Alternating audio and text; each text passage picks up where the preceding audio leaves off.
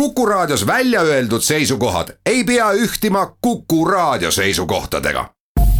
Te kuulate Kuku Raadiot.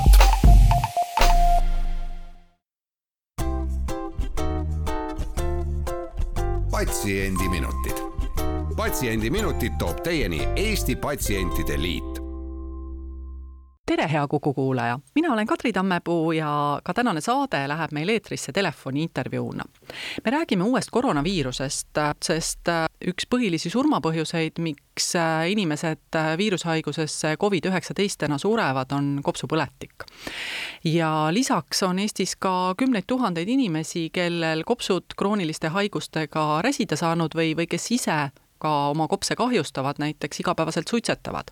räägimegi, millised seosed on krooniliste kopsuhaiguste ja Covid-19 vahel. meil on liinil Tartu Ülikooli pulmonoloogia professor ja kliinikumi kopsuarst, doktor Alan Altraja, tervist! tere päevast! kui palju neid kopsuhaigeid siis õigupoolest on ja kui tõsised on kopsuhaigused?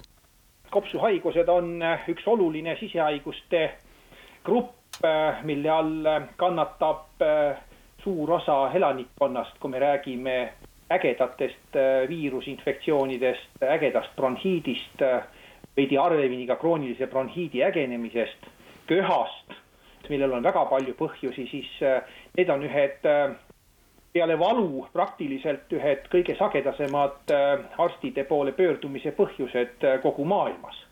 kui me räägime praegusest uuest koroonaviiruse eh, pandeemiast, mis on Eestit eh, valusalt tabanud, eh, siis selle viirusega kooskõlas tegelikult on kõik inimesed natukene puudutatud, aga ennekõike eakad inimesed ja kellel on kroonilised kopsuhaigused, astma, krooniline obstruktiivne kopsuhaigus ja mõned kopsukoe armistumisega ehk fibroseerumisega kulgevad kopsuhaigused, mis on küll äh, harvemini esinevad võrreldes äh, astma ja kroonilise obstruktiivse kopsuhaigusega ehk kokiga.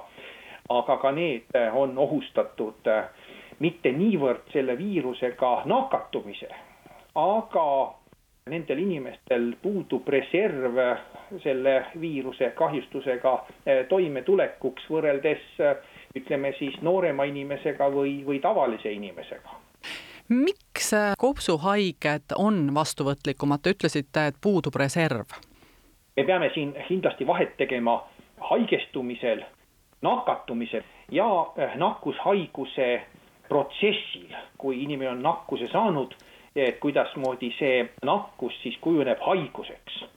ja siin on eh, erinevad riskitegurid kui me nüüd äh, vaatame, mismoodi äh, inimesed äh, kergemini nakkust saavad, siis siin on selgunud praktiliseks ainsaks suureks haiguste grupiks, mis on väga oluline grupp, on krooniline obstruktiivne kopsuhaigus ja laiemini ka kõik suitsetajad. suitsetamine suurendab riski saada nakatunud ja edasi suurendab ka muidugi riski nakkuse arenguks rasketeks haigusvormideks nagu kopsupõletik. miks suitsetajad nakkuse kergemini saavad? juba see uus koroonaviirus on nakkavam kui meile hästi tuntud gripp, varagripp.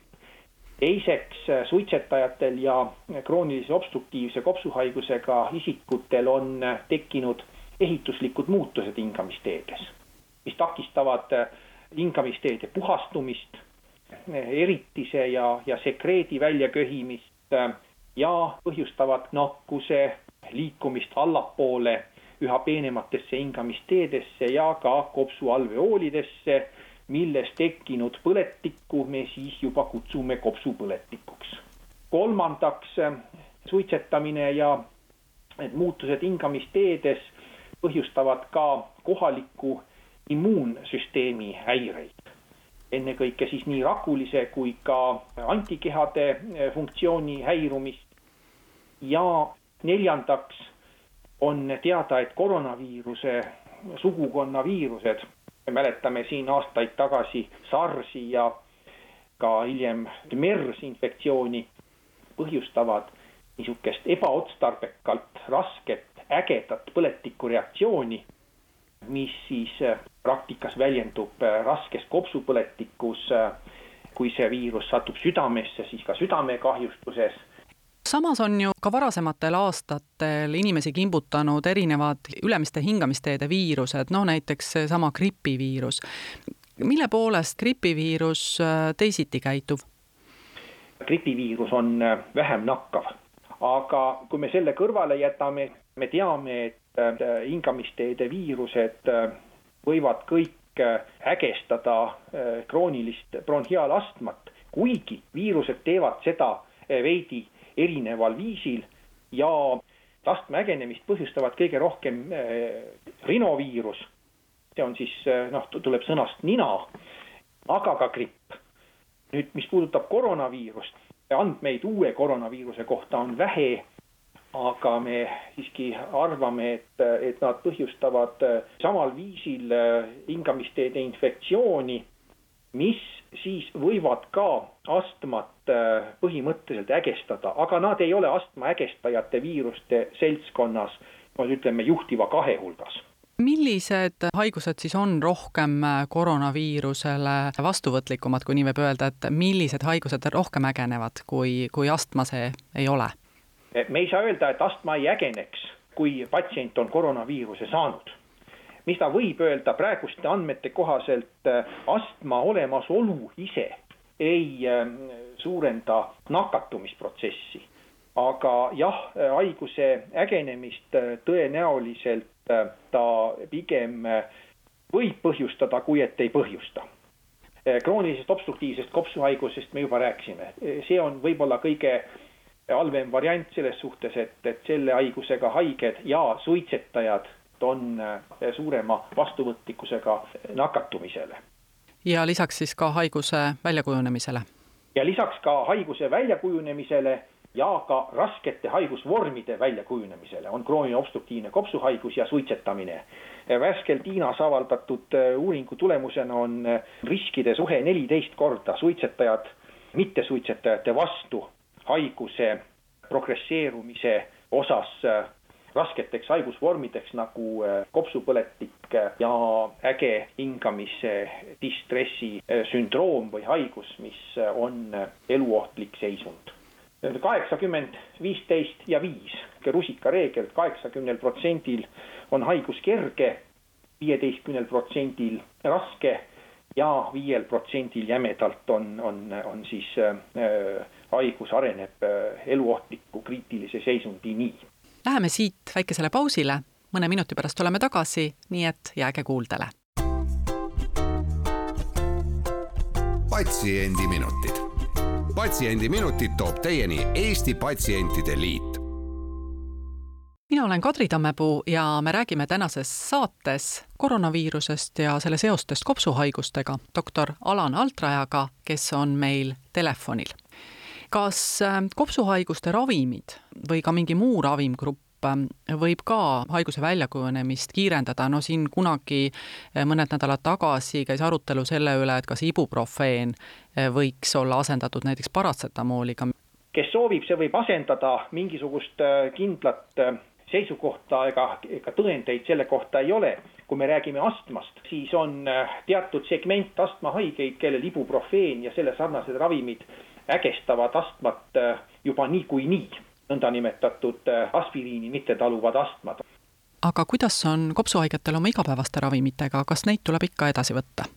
koroonaviiruse infektsiooni pandeemia ajal peaksid nii astma kui koki patsiendid tarvitama oma ravimeid täpselt nii, nagu nad teevad seda igapäevaselt ennekõike peaksid olema ettevaatlikud just raskeid astmavorme või ka raskeid äh, kroonilisi hingamisteede haigusi põdelevad patsiendid, äh, näiteks astmahaiged, kes kasutavad äh, sissehingatavaid hormoonpreparaate suures annuses ja hormoonpreparaati kombinatsioonis teiste astmavastaste astmat kontrollivate ravimitega patsiendid, kes saavad eh, süstitavat ravi eh, nõndanimetatud bioloogiliste ravimitega, inhaleeritavad ehk sissehingatavad, neid tuleb võtta niikuinii. aga nüüd suukaudsed hormoonpreparaadid, kui need on kasutusel astma püsiravis, või ka lühiaegsete kuuridena. kes neid peavad tarvitama, need peavad neid tarvitama ka selle infektsiooni ajal. tõsi, neid ravimeid koroonaviiruse infektsiooni enda ravis kasutatud edukalt ei ole, pigem vastupidi. aga veel kord, kellele nad on äh, määratud, siia tulevad ka muud kroonilised haigused, mitte ainult hingamisteede haigused, need peavad neid, äh, neid võtma. või siis äärmisel juhul äh, pidama nõu oma, oma arstiga. aga see ei ole kõik patsiendid peaksid oma haigust tundma, oma haiguse ägenemist, varasemate ägenemiste kogemusi kuidas ägenemine tekkis, mismoodi ägenemine arenes ja missuguseid samme nad astusid ja veel väga oluline punkt. krooniliste kopsuhaigustega äh, haiged, ennekõike astmahaiged, aga ka kroonilise obstruktiivse kopsuhaigusega haiged, need peaksid äh, üles otsima need kirjalikud eneseravimise juhendid, mida on nende kopsuarst või nendega tegelenud arst nendele patsientidele varem välja kirjutanud, et kirjalik selline juhendatud eneseravimise plaan hädaolukordadeks, mida teha, milliseid samme astuda, on väga oluline. mida teha, kui sellist juhendit ei ole? kellel seda ei ole, see peaks kontakteeruma oma arstiga. loomulikult ei saa seda teha praegu arsti juurde minekuga, vaid tuleb kasutada virtuaalseid ja elektroonilisi kanaleid. kõige lihtsam võib olla ka tavaline telefon selleks. kuidas aru saada, mis on mis? kuidas eristada omavahel allergilist nohu, astmat või koroonaviirusnakkust? kuiv köha on nii koroonaviiruse kui ka astma ägenemise sümptom, aga rindkeres sellist ebamugavustunnet, rindkere valu astma ägenemisel ei ole. hingeldus võib olla mõlema äh, nähtuse puhul, aga astma puhul on siis sellist, äh, nagu patsiendid teavad, vilesid ja kiuneid rohkem. palavikku astma ägenemise puhul ei ole, kui ei ole tegemist kaasuvat viirusinfektsiooni. aga Covid äh, infektsiooni puhul on selgesti palavik juhtivaks sümptomiks peale köha ja rindkere ebamugavustunde. kui me räägime nüüd kroonilise obstruktiivse kopsuhaiguse ägenemisest, kroonilise obstruktiivse kopsuhaiguse ägenemisel on ennekõike süvenenud rögaeritus, palavikku koki ägenemise puhul tavaliselt ei ole või kui teda esineb, siis see on tingitud mingisugusest paralleelselt kulgeva viirusinfektsioonist. koroonaviiruse puhul on köha kuiv, koki ägenemise puhul on tegemist kas siis mädase või limase rögaeritusega, mille hulk on suurenenud ja eh, koki ägenemise puhul ei ole, uue koroonaviiruse puhul ka ei ole ülemiste hingamisteede sümptomeid. võtame kokku, koki ägenemise puhul tavaliselt palavik puudub, köha on varasemaga võrreldes suurenenud rögaeritusega ja ülemiste hingamisteede eh, sümptomeid nagu vesist nohu jällegi ei ole eh, uue koroonaviiruse infektsiooniga seoses reeglina patsientidel, eriti kui nad on haiged, on päris raske vahet teha ja tuleks äh, võtta ühendust oma arstiga kuidas täna patsient saab oma arstiga ühendust võtta, sest haiglad on ju plaanilise töö lõpetanud? plaaniline töö käib meil elektrooniliste kanalitega e, e-konsultatsioonid, see sõltub töökorraldusest erinevates haiglates. küllalt tihti tehakse konsultatsioone kopsuarsti ja, ja patsientide vahel me helistame vastastikku kokkulepitud aegadel, näiteks siis, kui on patsiendid äh, plaaniliselt äh, pidanud tulema oma vastuvõtule. Äh, see loomulikult ei kata ära kõiki olukordi ja patsiendid siiski peaksid usaldama oma perearsti, kes siis vajadusel elektroonilisi kanaleid pidi nii-öelda e-konsultatsiooni korras konsulteerivad eriarstidega no ikkagi on olukordi, kui patsiendile tundub, et ähm, ta ei saa enam hingata. millal äh, nüüd ei tuleks enam otsida perearsti taga, vaid äh, ikkagi helistada juba kiirabisse?